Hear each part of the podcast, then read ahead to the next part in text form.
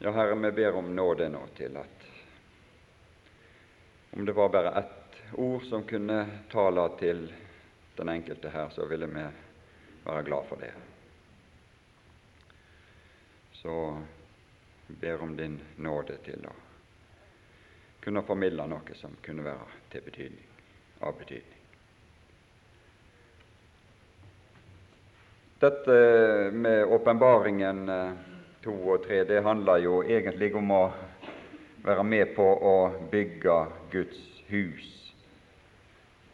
Sjøl om omstendighetene er vanskelige, og det er de.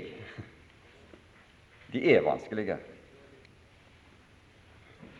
Det er de for alle disse sju menighetene eller forsamlingene som står omtalt her. Så er det vansker som møter de av forskjellig art.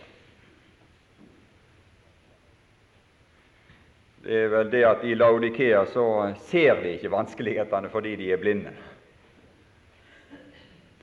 Og da der står det at 'du vet ikke'. står Det står om det som han veit, jeg vet. Men så står det om det som de ikke veit. De var uvitende om sin situasjon. Så de så ikke. Og at de var fattige, selv om de levde i den innbilning at de var rike.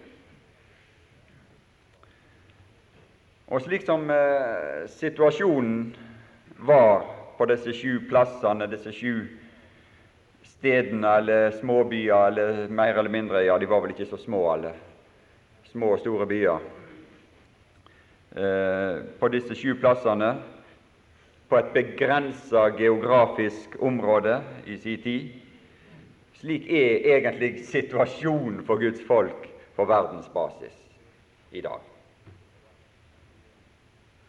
Smyrna var jo en martyrby, og eh, det sies i alle fall at det er flere martyrer for kristentroa i dag enn noen gang.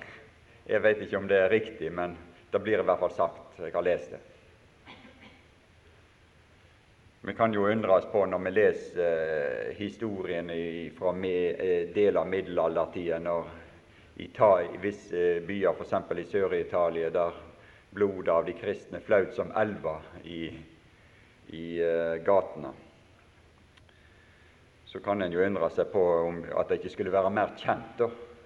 Men de som som prøver å sette seg inn i sånne ting, sier at det er flere martyrer i dag enn noen gang.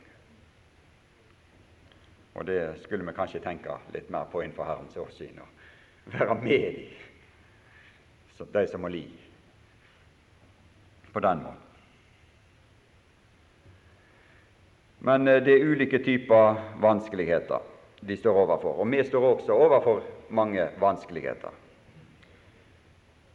Det er like som På mange måter så kan situasjonen sammenlignes med de som i, i eh, Når kong Kyros kom til makten i Persia og eh, oppfordra jødene til å dra tilbake til Jerusalem for å bygge Guds tempel der og bygge opp byen der, så er vår situasjon på mange måter lik.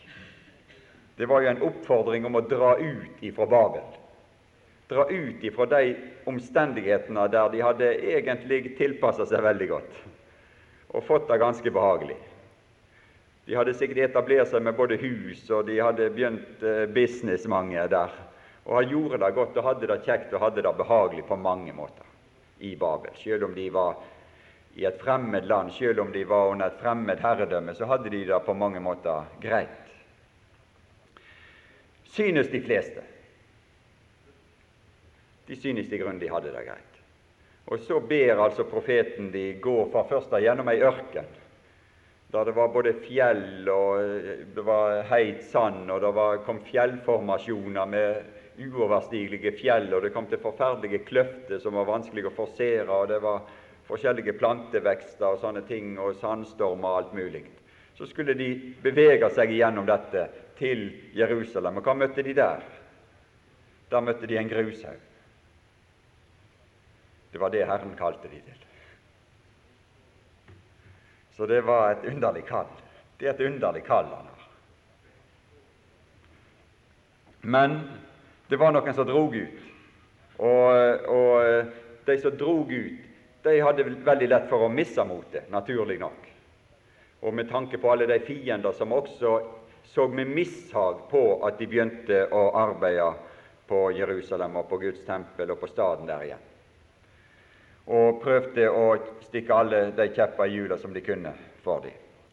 Så var det lett for å miste motet, og de mista motet i store perioder. Men Herren sendte f.eks. Haggai og Sakarias til å oppmuntre dem. Han gav disse profeter syner for å gi dem håp for arbeidet, og de fortsatte. Og Gjennom eh, f.eks. profeten Sakarias sine syner.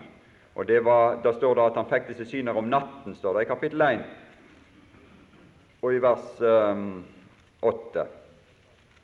Altså, det var natt. Natten var kommet. Og Jesus taler om at natten kommer. Så lenge, han var i verden, så lenge jeg er i verden, er jeg verdens lys, sa han. Men natten kommer, og natten kom for, uh, også for, for, for uh, når, når, Jesus drog ut av denne verden. Og det er nattestid når vi åpner åpenbaringsboken. Så er det, er det natt i verden. Og det er en mørk himmel, kan du, kan du si. Men på den himmelen var det Guds hensikt at det skulle være sånne små stjerner. Rundt om i, i Tyrkia, rundt om i de forskjellige plasser så skulle det være lys, små lys som lyste opp i natten. Og nå fikk også Sakarias disse syn. Jeg hadde et syn om natten, sier han her i kapittel 1 vers 8. Og han har forskjellige syner da, utover i disse kapittel, til og med kapittel eh, 6. Og så, så eh, kommer det noen nye ting fra kapittel 7. Han hadde vel åtte i alle fall. Jeg vet ikke hvordan vi skal akkurat inndele dem, men det var i hvert fall åtte forskjellige syner der som han hadde. Og Der er det ikke bare et perspektiv. Det er ikke bare dette lokale, snevre perspektivet. Men det omtaler liksom den hele verden, og det om, om, omtaler Guds behandling av verden, like som åpenbaringen. Like som Gud gir Johannes i åpenbaringen syner som omfatter den hele verden. Alt folket. Ikke bare jødene, men alt folket. Ikke bare menigheten heller, men hele verden blir, eh, blir behandla, akkurat sånn som her. Men så går han inn. Han, han begynner liksom vidt i det første synet, og, og, med disse fire hestene. Men så, så går han liksom inn og, og, og, så begynner han å behandle eh, det som har med Jerusalem, og så med tempelet, og så med tjenesten i tempelet, og så ser vi en lysestake som kommer fram i et syn i, vers, i kapittel 4. Og de, Disse ting var ment som en oppmuntring, det var ment som en tilskyndelse, det var ment som eh, noe som skulle være med å stimulere dem i arbeidet, kan, helt konkret her, med å gjenreise tempelet fra sånn ca. 520 eller 519 eller rundt om da, før Kristus. Det var det helt konkrete. Men liksom i dette så ligger det et helt annet perspektiv enn det at de skulle legge stein på stein der. At det at han skulle bruke blyloddet i Serubabel sånn som det står om i kapittel 4 vers 10 der, som var til velbehag for Herren. Herren gleda seg når han så at de begynte på det arbeidet, at de var med i dette eh, arbeidet, at de ønska å fortsette med dette arbeidet. Himmelens Gud gleder seg, og så gav himmelens Gud løfter og syner og perspektiver som strekte seg langt utover det som de gjorde akkurat der og da. Han trekte dette inn i den evige verden, i den kommende verden, i den verden når han skulle åpenbare seg i sin herlighet. Og Så sa han til Serubabel at det som du gjør nå, det skal skinne i den kommende verden i alle evigheters evighet. Så det er ikke et forgjeves arbeid. Det kan, det kan synes ringe, den ringe begynnelses dag. I menneskets øyne så var det ikke så mye å skryte av. Det så smått ut, det så elendig ut. Og det var noen som sammenlignet det liksom med gamle dager, da det var så mye større og bedre. Men i Herrens øye var det ikke smått, og var det ikke ringe. Men det var noe som skulle løftes inn i den kommende verden, i den evige verden, i det evige tempel. så skulle, det være, skulle disse, Gud skulle på en måte flytte disse steinene som de la opp en annen, skulle flytte dem inn i den evige verden. Og de skulle framstå i herlighet der. Det som ble ringakta og forakta her i vers 10, kapittel 4 vers 10.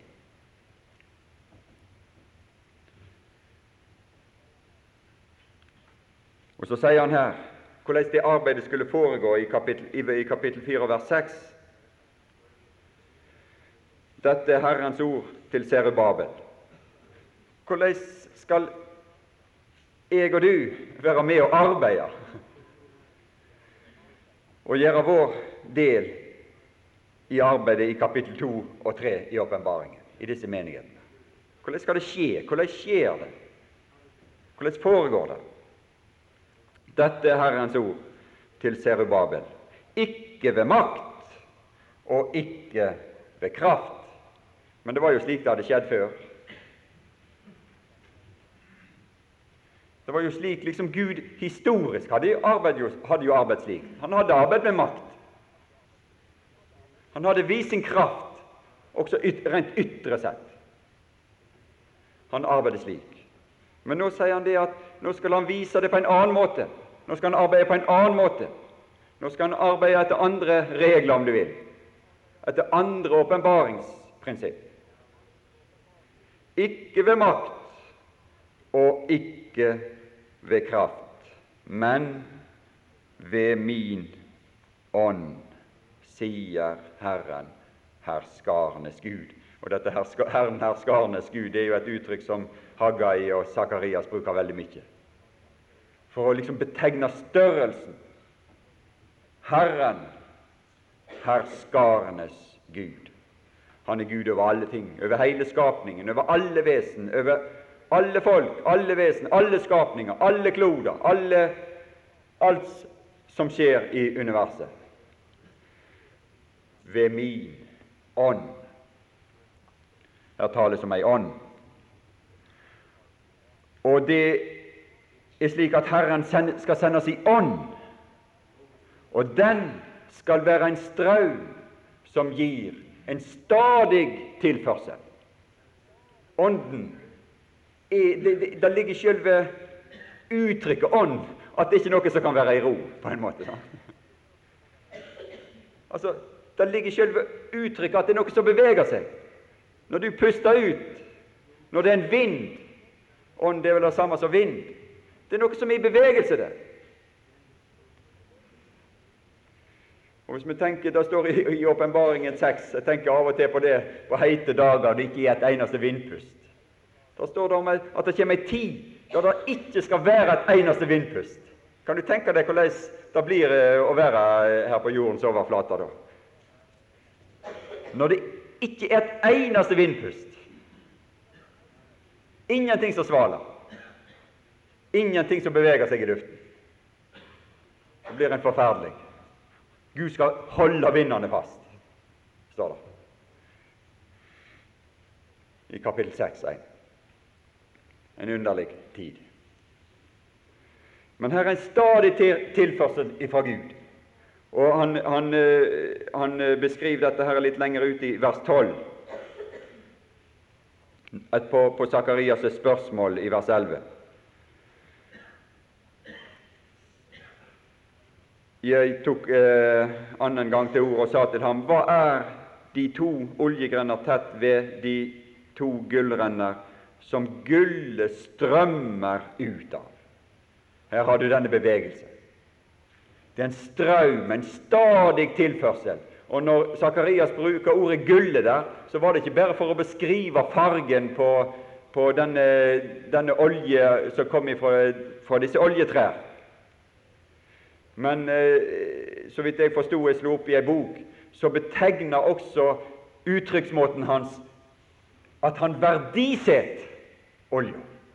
Det, er ikke bare det at han skal beskrive fargen på den, men det er et uttrykk for den verdi han ser i denne strømmen som er her, han ser her. Det er gull. Verdien av det gull.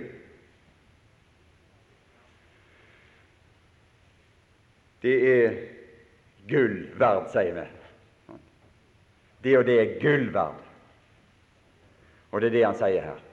Den oljen som man ser strømme her, den er gull verd. Og så får han se videre. Han hadde jo blitt vekt. Det må en oppvekkelse for å se disse verdiene, akkurat som, uh, som Sakarias. Uh, det var om natta han fikk se disse tingene her. og han, Om natta er det veldig lett å sovne. Og Sakarias måtte vekkes. Og han ble vakt, står det her i, i, i vers 1 i 4.1. Han ble vekt av sin sønn, av sin søvn, ikke av sin sønn. Det kan vel hende det òg, det som har småbarn. Det blir vekt av sin sønn. Men her ble han vekt av sin søvn. Og Når det står ordet 'vekkes' der, så er det ikke bare det at han liksom åpna øynene og så veldig sløv ut. Men da, det, i, i, dette ordet, så vidt jeg også så på liksom, eh, det hebraiske ordet, så betyr det en vekkelse med, til iver. Han ble vekk til ivrig. Han ble fullvåken. Han ble ivrig for det hele. Det, står i, i Hagga i 1,14 så står det at det ble vakt en iver i Serebabel. Og det, det, er det samme uttrykket her. Det ble vakt en iver. Og så spurte han videre her i, i slutten på, på, dette kapittel, og så går han til kilden. Hva er kilden for dette, denne verdifulle strøm? Det er de to oljesalvede i vers 14 som står hos all jordens Herre. Altså med andre ord de to oljesalvede. Hvis du leser Det gamle testamentet, så er det to embeter, det er to gjerninger, det er to tjenester som Herren salver til. Og det er prestetjeneste, ypperste presten, og det er kongen. Det er de to oljesalvede som står Hvor er de? Hvor er de plassert? De står hos all jordens herre. Og Når vi leser åpenbaringen, så er hvert av de sju budskap til disse menighetene de er innramma av de to oljesalvede og den strømmen som går ifra de to oljesalver. For vi ser at hver eneste budskap begynner med 'Dette sier Han'. Og Han som sier dette, det er Han som er ved Guds trone. Det er Han som har tatt sin plassering ved Majestetens høyre hånd. Og det er Han som utøver både en kongelig og prestelig stilling derifra. Og han er beskrevet både som konge og som prest i kapittel 1, før han begynner å tale, før det begynner å gå ord ut ifra han. Og han begynner på en måte å regjere ifra sin trone, å regjere over sitt folk og sende sine direktiv og sine budskap ut til sitt folk. Og så gjør han det gjennom si ånd, står det her. Og han, alle, alle disse budskap avslutter slik Den som har øre, han hører hva Ånden sier til menigheten. Ånden formidler oljen ifra de to oljetrær som står for, for Gud, som står for jordens herre. De formidler budskapet ifra vår konge og vår prest inn til den enkelte i menigheten som har øre. Budskapet er til menigheten, men olja skal tilføres den enkelte, den som har øre. Det er hver enkelt av oss det. Høre hva Ånden sier til menigheten. Og det er slik at det er knytta Det står at den og så er det brukt dette ordet 'den som seirer'. Det, har, det er knytta sammen med tro og trofasthet og utholdenhet, det ordet sier. Og det er knytta veldige, enorme løfter til den som holdt trofast fast ved Hans ord. Den som tror dette ordet, den som tar imot dette ordet, den som hører det og tar imot det, og er trofast imot ordet. For den er det knytta, til den er det knytta, eller gitt, voldsomme løfter. Enorme løfter. Gå gjennom disse sju budskap og les gjennom de løfter som er knytta til hver enkelt. Det er veldige ting. Og det vi bare tenker på, Hvis vi tenker på løftet til, til eh, de, som, de som er trofaste i Laudikea, så det overgår all forstand, det løftet som er gitt i kapittel 3 og vers 21, knytta til Laudikea. Det overgår all forstand.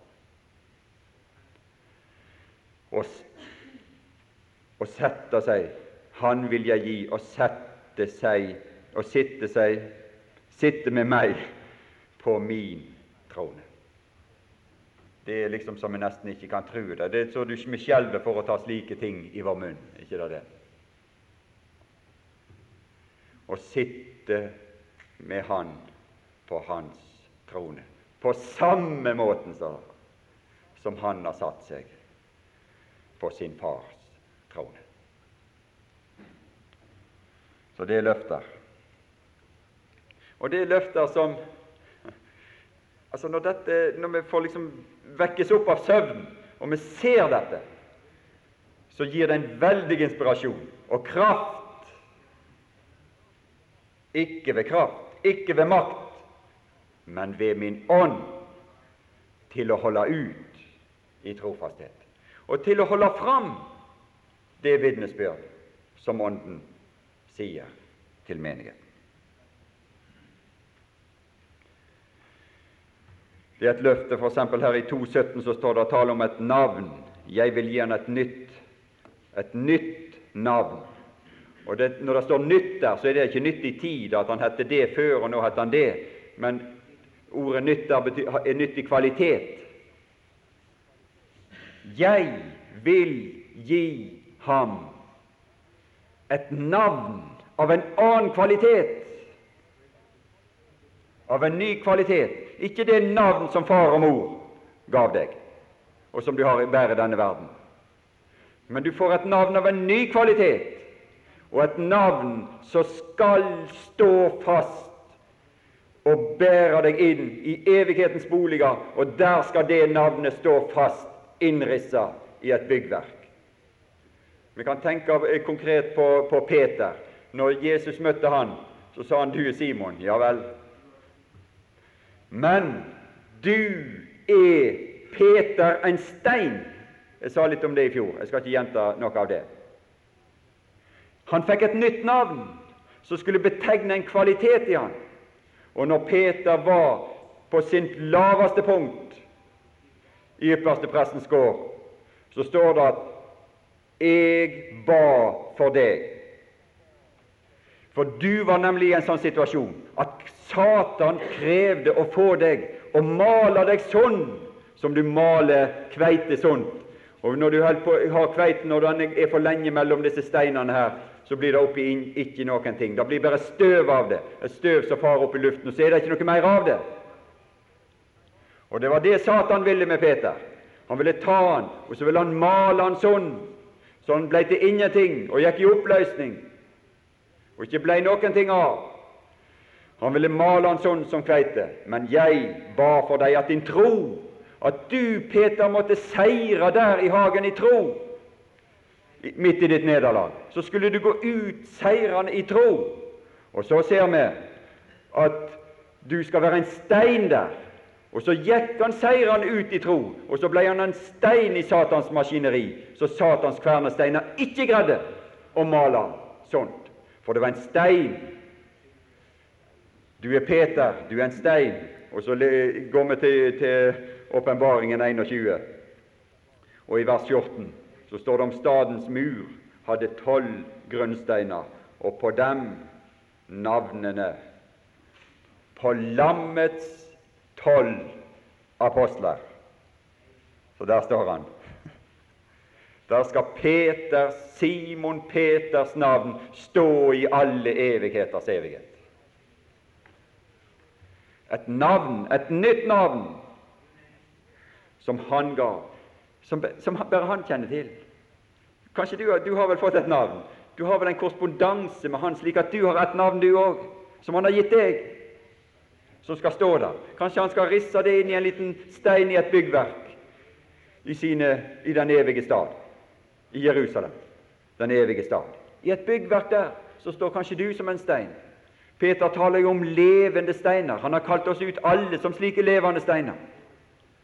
For at Herren skal gi oss og rissa inn i oss et navn. Og det er med det navnet et navn som skal bestå. Det er underlig. Det er underlig hva Gud kan få ut av de mest ynkelige situasjonene endatil. Jeg undres av og til på når, når, eh, når eh, disse kvinnene til Jakob gav sine sønner navn. Om de tenkte det, at disse navnene skulle stå i Guds evige stad en gang. Israels tolv stammer. Så det er underlig. Men det er et navn av en ny kvalitet. De fikk en ny, Jakob fikk også et nytt navn. De fikk, veldig, veld, veldig mange har fått nye navn. Jakob fikk et nytt navn Israel. I møte med Gud så får vi et nytt navn av en ny kvalitet. Den ynkeligste av oss kan få et nytt navn i møte med Herren. Og det står jo, og så begynner han å sette sitt navn på oss. I, i uh, kapittel 3 og vers 12 så står det jo om at 'jeg vil skrive på ham min Guds navn'. Så får vi et navn hos Han, og så forbindes det navnet med hans eie navn. De knytter seg sammen for evig. Vi skal eh, ta litt, grann, eh, tenkte jeg eh, Det blir jo bare en sånn veldig kort eh, si noe fra den midterste menigheten, Tiatira. Og Det begynner i kapittel 2 vers 18. Skriv til engelen for menigheten i Tiatira. Tiatira det var den minste av disse byene, plassene, og det er den som får det lengste brevet så den minste byen får det lengste brevet. Det var et, sånn, sånn Rent eh, naturlig så var det et eh, jordbruks-, landbruksområde som omgav byen her, og som ga grunnlag for byen. Og Den lå på ei slette og var veldig ubeskytta. Og i, disse tider så betydde det at, eller i de tider da så betydde det at det var stadig gjenstand for krig og ødeleggelse. Så byen ble ødelagt og gjenoppbygd gang på gang. I denne byen så var det egentlig en miks av mange folkeslag, for det hadde vært en innvandring fra Makedonia. De kom fra, fra, fra Europa, og det kom folk eh, sikkert fra forskjellige plasser i Midtøsten dit, for det, det var et attraktivt område. Så det var en miks av folkeslag der. Mange kulturer. De men det var få jøder, faktisk. Og det har sikkert sin uh, forklaring i det at dette var en by som hadde utvikla veldig mange håndverk med sine laug. De lagde ull og lin og klær og farger, så de farga klærne med. Og Vi kjenner jo til Lydia i apostelgjerningene 16, 14. Så står det at Lydia, som Paulus møtte i Europa, hun var fra Tiatira og hun var purpurkremmerske. Kanskje hun var utsending, kanskje hun drev butikk, kanskje hun var representant for en av disse fargemakerne i Tiatira. De drev med garving og lær og steintøy og baking. De var eksperter i baking. De var koppersmeder, og de drev med slavehandel. De handla med kropper, så det står litt lenger ute i, i åpenbaringen. De handler med mennesker, med kropper. Og det var Apollon som var liksom sjefsguden i byen, og han var laugenes sin store beskytter. Og det var uhyre vanskelig å drive forretning utenom et laug, og det er sikkert årsaken til at det var få jøder som slo seg ned der. Fordi at hvis du skulle drive forretning der og være med i et laug, så måtte du også være med på de arrangement som disse laugene arrangerte det som på moderne språk heter firmafester. Firmafest Det var populært. Det er ikke noen ny oppfinnelse. Ingenting som vi må tro at vi finner opp noe nytt i våre dager. Det er bare det gamle som kommer igjen i ny forkledning. Du har, da, du har det egentlig her i budskapet til Pergamon så står det om Biliams lære, og så står det om nikolaitenes lære. Og Biliam, og Nico, Biliam det er et hebraisk navn, og Nikolaus eller det er et eh, gresk navn. Og de betyr omtrent det samme. Det er forkledd i ny skikkelse med den samme lære, som fører med den samme praksis, og fører det, og prøver å snike det inn, og prøver å få det inn gjennom forførelse i Pergamon. Det er den gamle lære og den gamle praksis som kommer i ny skikkelse og i ny innpakning og med nye ord. Slik er det alltid. Så her hadde de sine firmafester, og disse firmafestene de ender da som nå i umoral. Så slik var det. Det var, det var vanskelige forhold på mange måter. Men det var i menigheter et vitnesbyrd for Gud. Og så er det slik når Jesus står fram for å tale til disse, så sier han dette er Guds sønn. Og det er den eneste han sier det til. Her måtte liksom litt kraftig lut når han stilte, fram, stilte seg fram i denne by, byen som var full av, av avgudsdyrkelse og urenheter.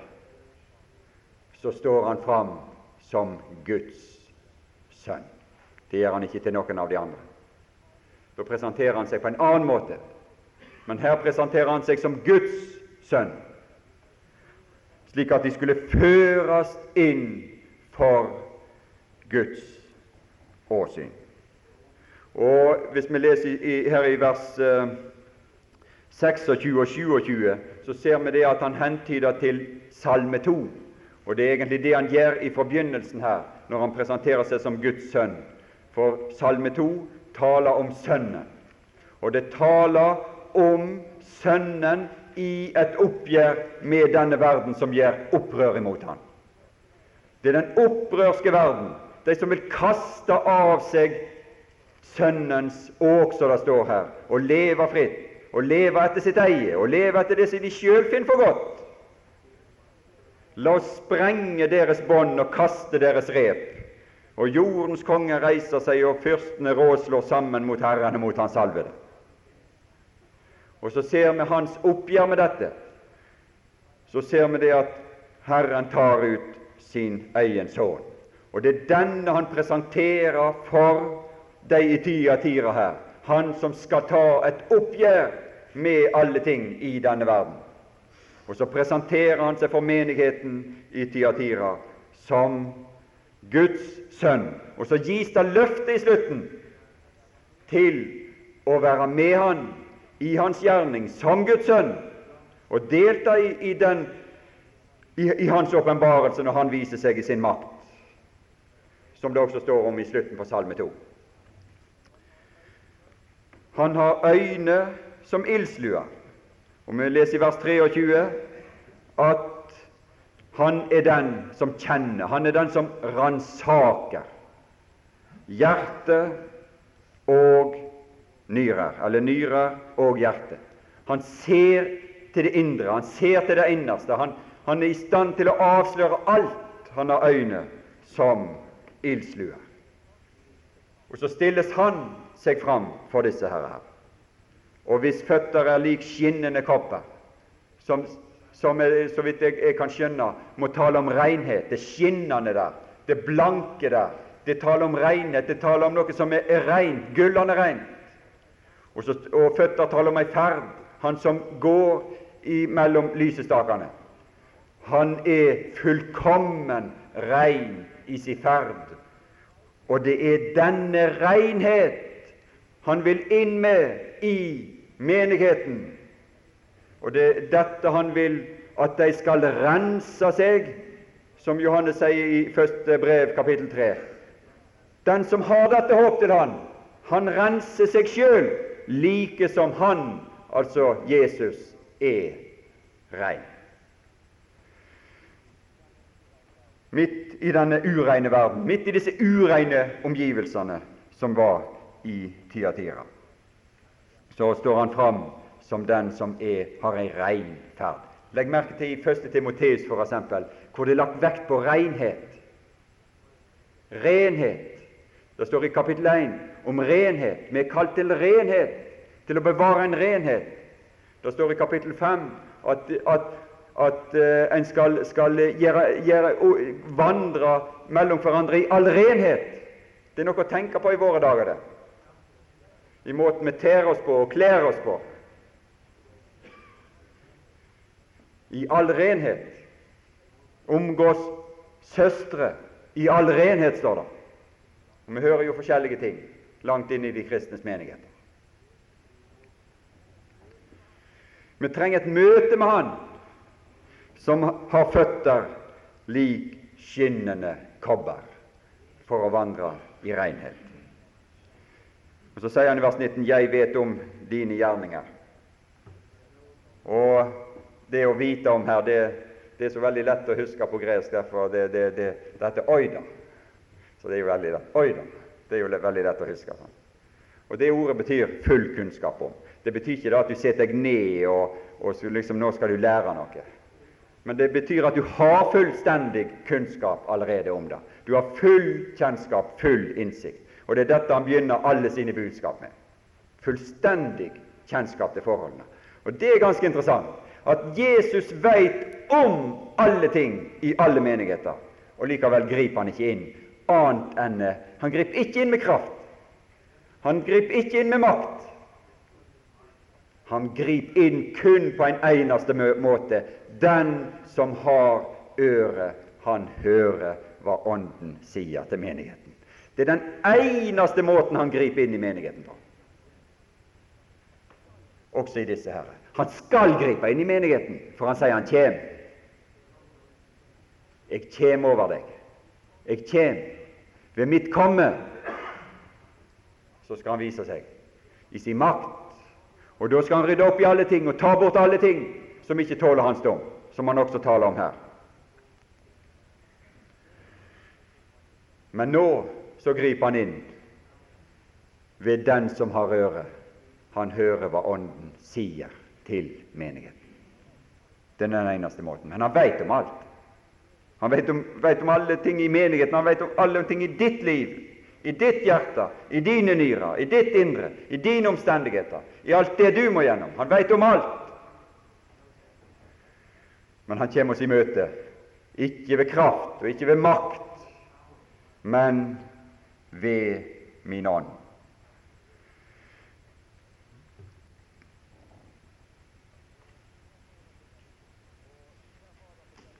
Og her var det forskjellige ting, prisverdige ting, som han påpeker i vers 19. Jeg vet om din kjærlighet og tjeneste, og tro og tålmodighet.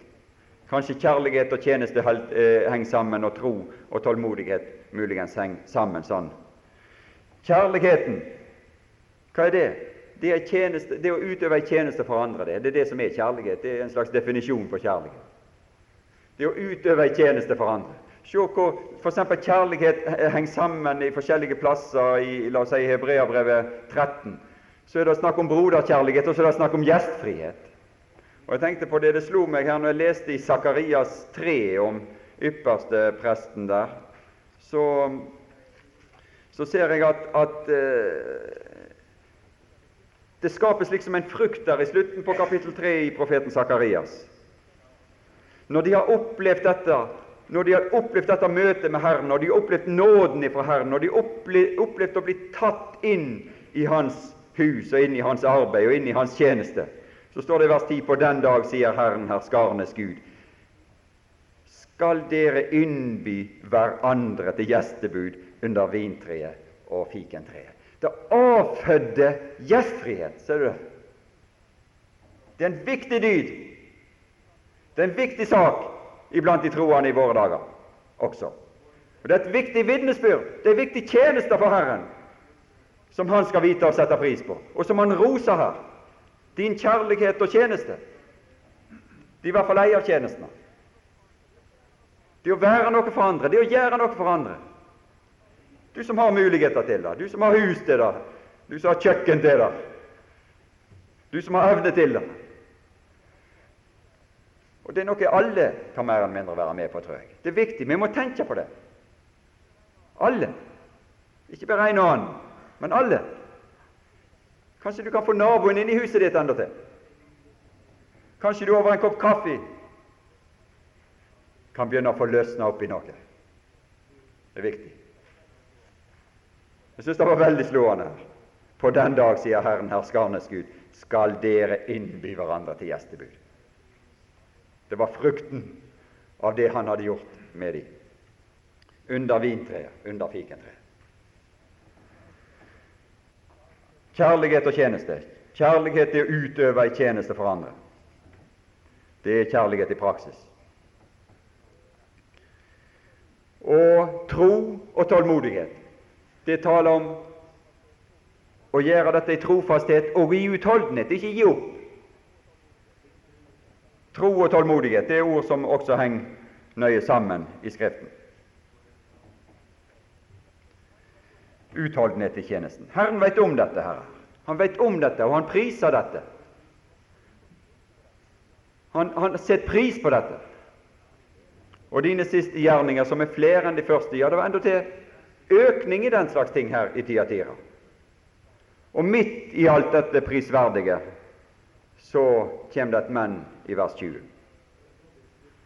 Så øh, kommer det inn noe helt forferdelige greier her. Men jeg har imot deg at du lar kvinnen Jesabel råde. Du tolererer kvinnen Jesabel. Her var det ikke ytre forfølgelse på samme måten som i Smyrna. Her var det heller ikke noen sånne krefter, noen sånne skjulte, forførende krefter som trengte på, slik som i Pergamon. Der du hadde, hadde liksom en, en, en, djevelsk taktikk eller strategi, slik som Biliam lærte Balak i sin tid, når han førte de unge, vakre jenter fra folket til å innby de jødiske gutter til sine dansefester. Og så forfører de på den måten. Og ødelegger de innvortes på den måten. Det var en forførelse. De var ikke i stand til å forstå dette, de var ikke i stand til å skjønne dette. Her. Eh, det var en, var en, var en eh, snikende forførelse som kom inn, og det kom inn her i Pergamon. De skulle jo ha vært i stand til å avsløre det, og det var de i Efesus. I Efesus så drev de et hardt arbeid. De drev et strengt arbeid som bestod i å prøve de som sier at de er apostler. Jeg vet om dine gjerninger og ditt arbeid. Altså et, Det står arbeid der et, egentlig et hardt arbeid, et strev, og at du ikke kan tåle de onde. Du har prøvd dem som sier at de er apostler, og ikke er det. Og du har funnet at de er løgnere. De vil alltid være der. Det var apostler som trengte på da. Det vil alltid være apostler som trenger på for å føre inn falske ting i blant oss, som fører med, som fører med seg i neste omgang en feil praksis. Men det var ikke slik her, i, i, det var ikke slik det kom inn heller her i Tiatira. Her var det rett og slett at de bare sa det at de nærmest ønsket kvinnen Jesabel velkommen. De lot henne råde. De tolererte det hele. Hun behøvde ikke snike seg inn. Og de greide ikke det som Efesus ved sitt prisverdige arbeid greide, nemlig å avsløre dette og holde dette her ute, sånn som det kom inn i Pergamon. Og disse her greide ikke å stå seg imot. Når hun kom her, så ønsket de henne nærmest velkommen. De lot henne råde. Og de tillot de element og råder som Akab og Israel tillot bli, være de rådende element, mens Jesabel var i Israel, og hun rådde lenge. De tillot dette.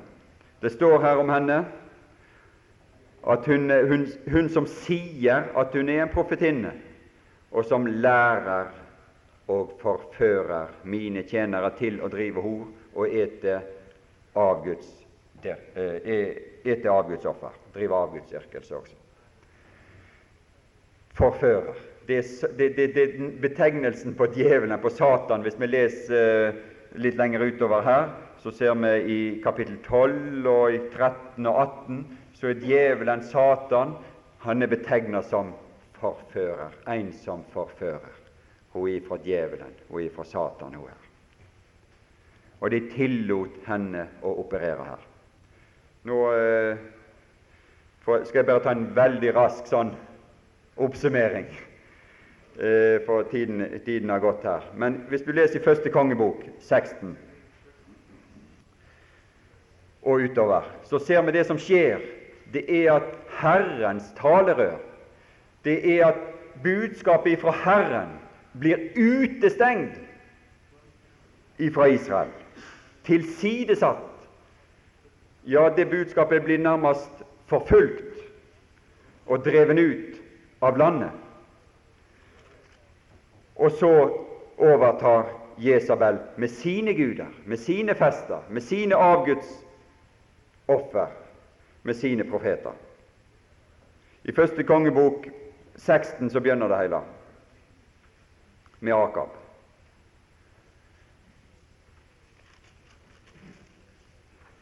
Nå, ble, det, står, det, står, vel eh, om dette her i, i, vers 28. Så ble han konge. Og Det hadde vært ille før, men så ble det enda verre med Akab i vers 30 Akab, Omris sønn, gjorde hva ondt var i Herrens øyne, mere enn noen av dem som hadde vært før ham. Og som om det var for lite at han vandret i Jeroboams Nebats sønns synder. Han syntes liksom han hadde gjort for lite dårlige ting. Merkelig uttrykk. Enda verre skulle det bli. Tok han Jesabel, datter av sidoniernes konge, et Baal, til hustru og gav seg til å dyrke Bal og tilbede han. Og så fikk de disse prestene og alter osv. her. Alt dette her er forferdelige som står her. Det ble verre og verre. Og det var ei utvikling som fortsatte. Hvis du leser videre nedover her. Alt dette her så Herren. Alt dette visste Herren om. Kunne ikke han ha grepet inn i Israel? Likevel så lot han Akab råde år etter år, og han lot Jesabel råde enda lenger enn Akab. Og først langt ut i andre kongebok så er det ute med Jesabel. Herren visste om det. Herren så det. Men han grep ikke inn før i sin tid. Og I kapittel 17 nå får vi gi ut, men bare, bare sånn, Du kan kanskje lese gjennom dette sjøl. I kapittel 17 så blir Herrens profet skyvet ut av bildet, og han lever endog ute av landet. Han, eh, ironisk nok så, så må han leve i det landet som Jesabel kom ifra. Var ikke det behov i Israel? Så ikke Herren behov i Israel?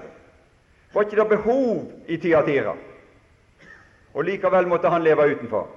Jo, det var mange enker, sier han, i Israel. Jesus. Det var mange enker i Israel.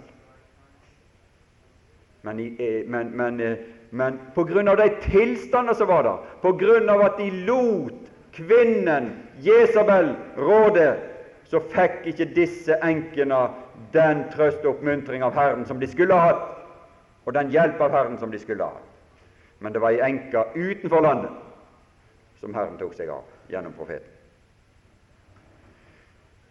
De lot kvinnen Jesabel råde. De slepte inn ting i menigheten, i folket, som førte de på disse avveier, og som pressa Hans ord ut. Og De levde jo i en forståelse her, hvis du ser i kapittel 18 og i vers 17 eh, når Aker fikk se Elias. Er det du, du som fører ødeleggelse over Israel? Det er en fantastisk forståelse. Det er sånne som deg, Elias, som fører ødeleggelse over menigheten. Som ødelegger menigheten. Det er slike som deg. En fantastisk forståelse.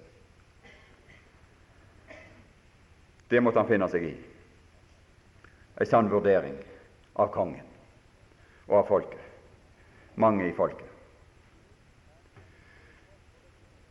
Men til tross for dette som skjer, med alle disse profetene, 450 og 400 profeter som hun stilte med, og dette her som skjer på Karmelsfjellet Til tross for det så står det om folket, de liksom eh, vegrer seg fortsatt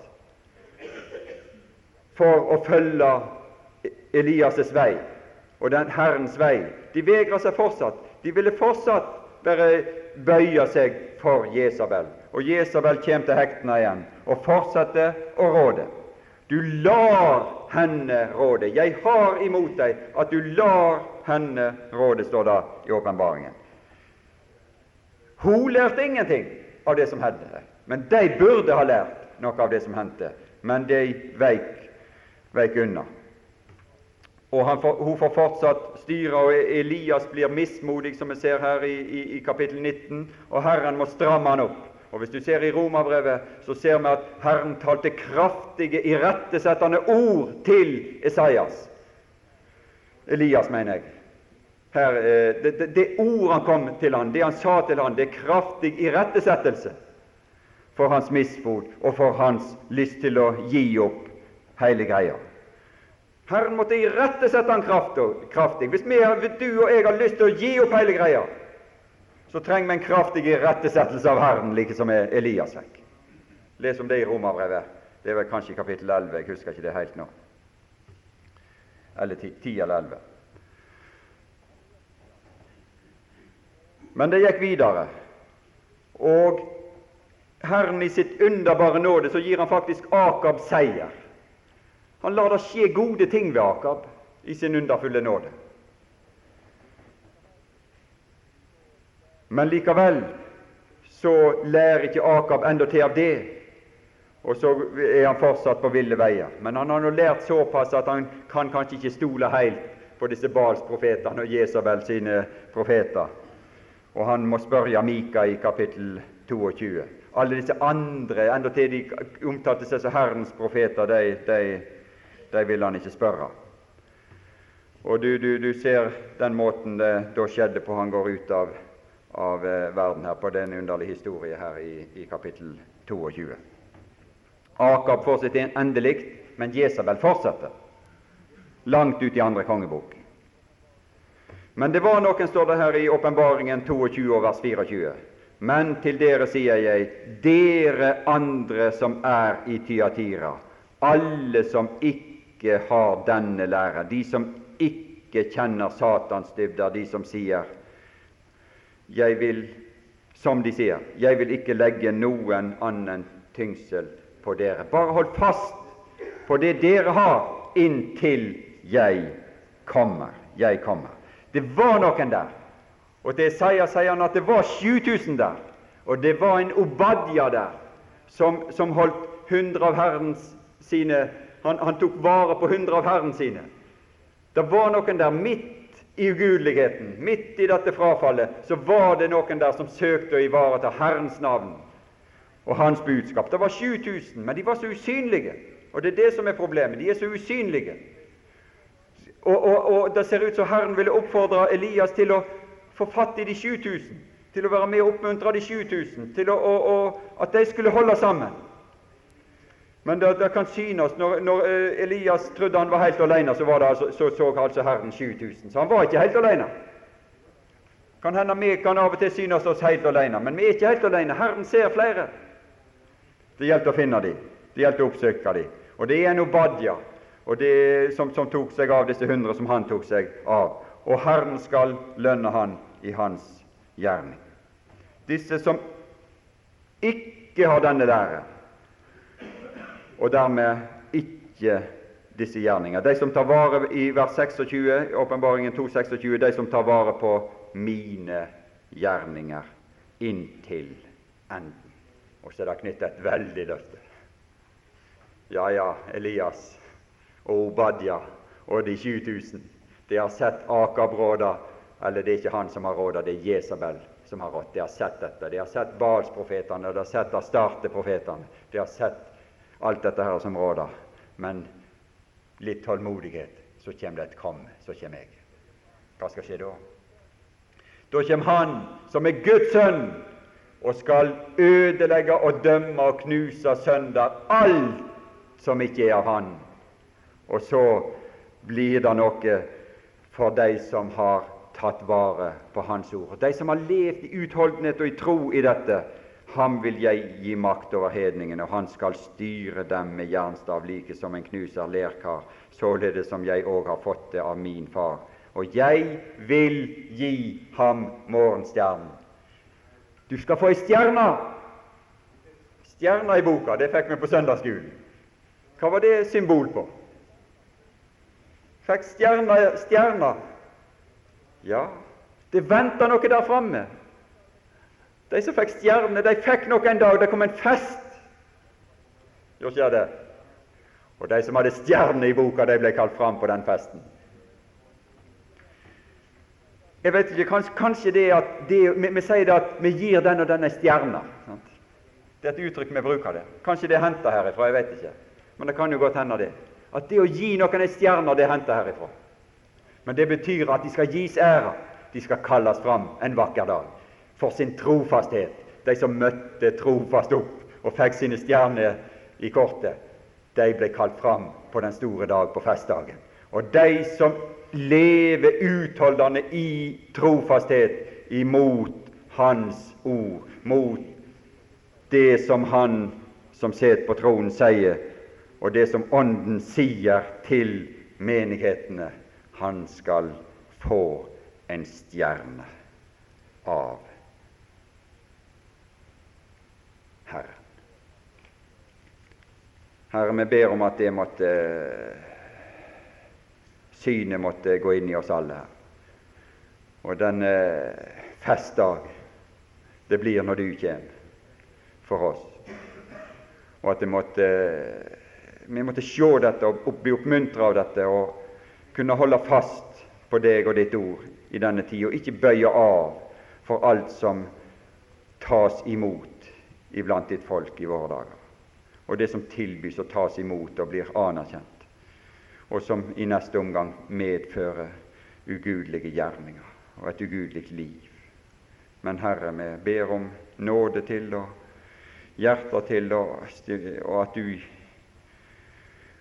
er med oss, og at vi kan få styrke til å holde fast ved ditt navn, selv under de vanskeligste tider.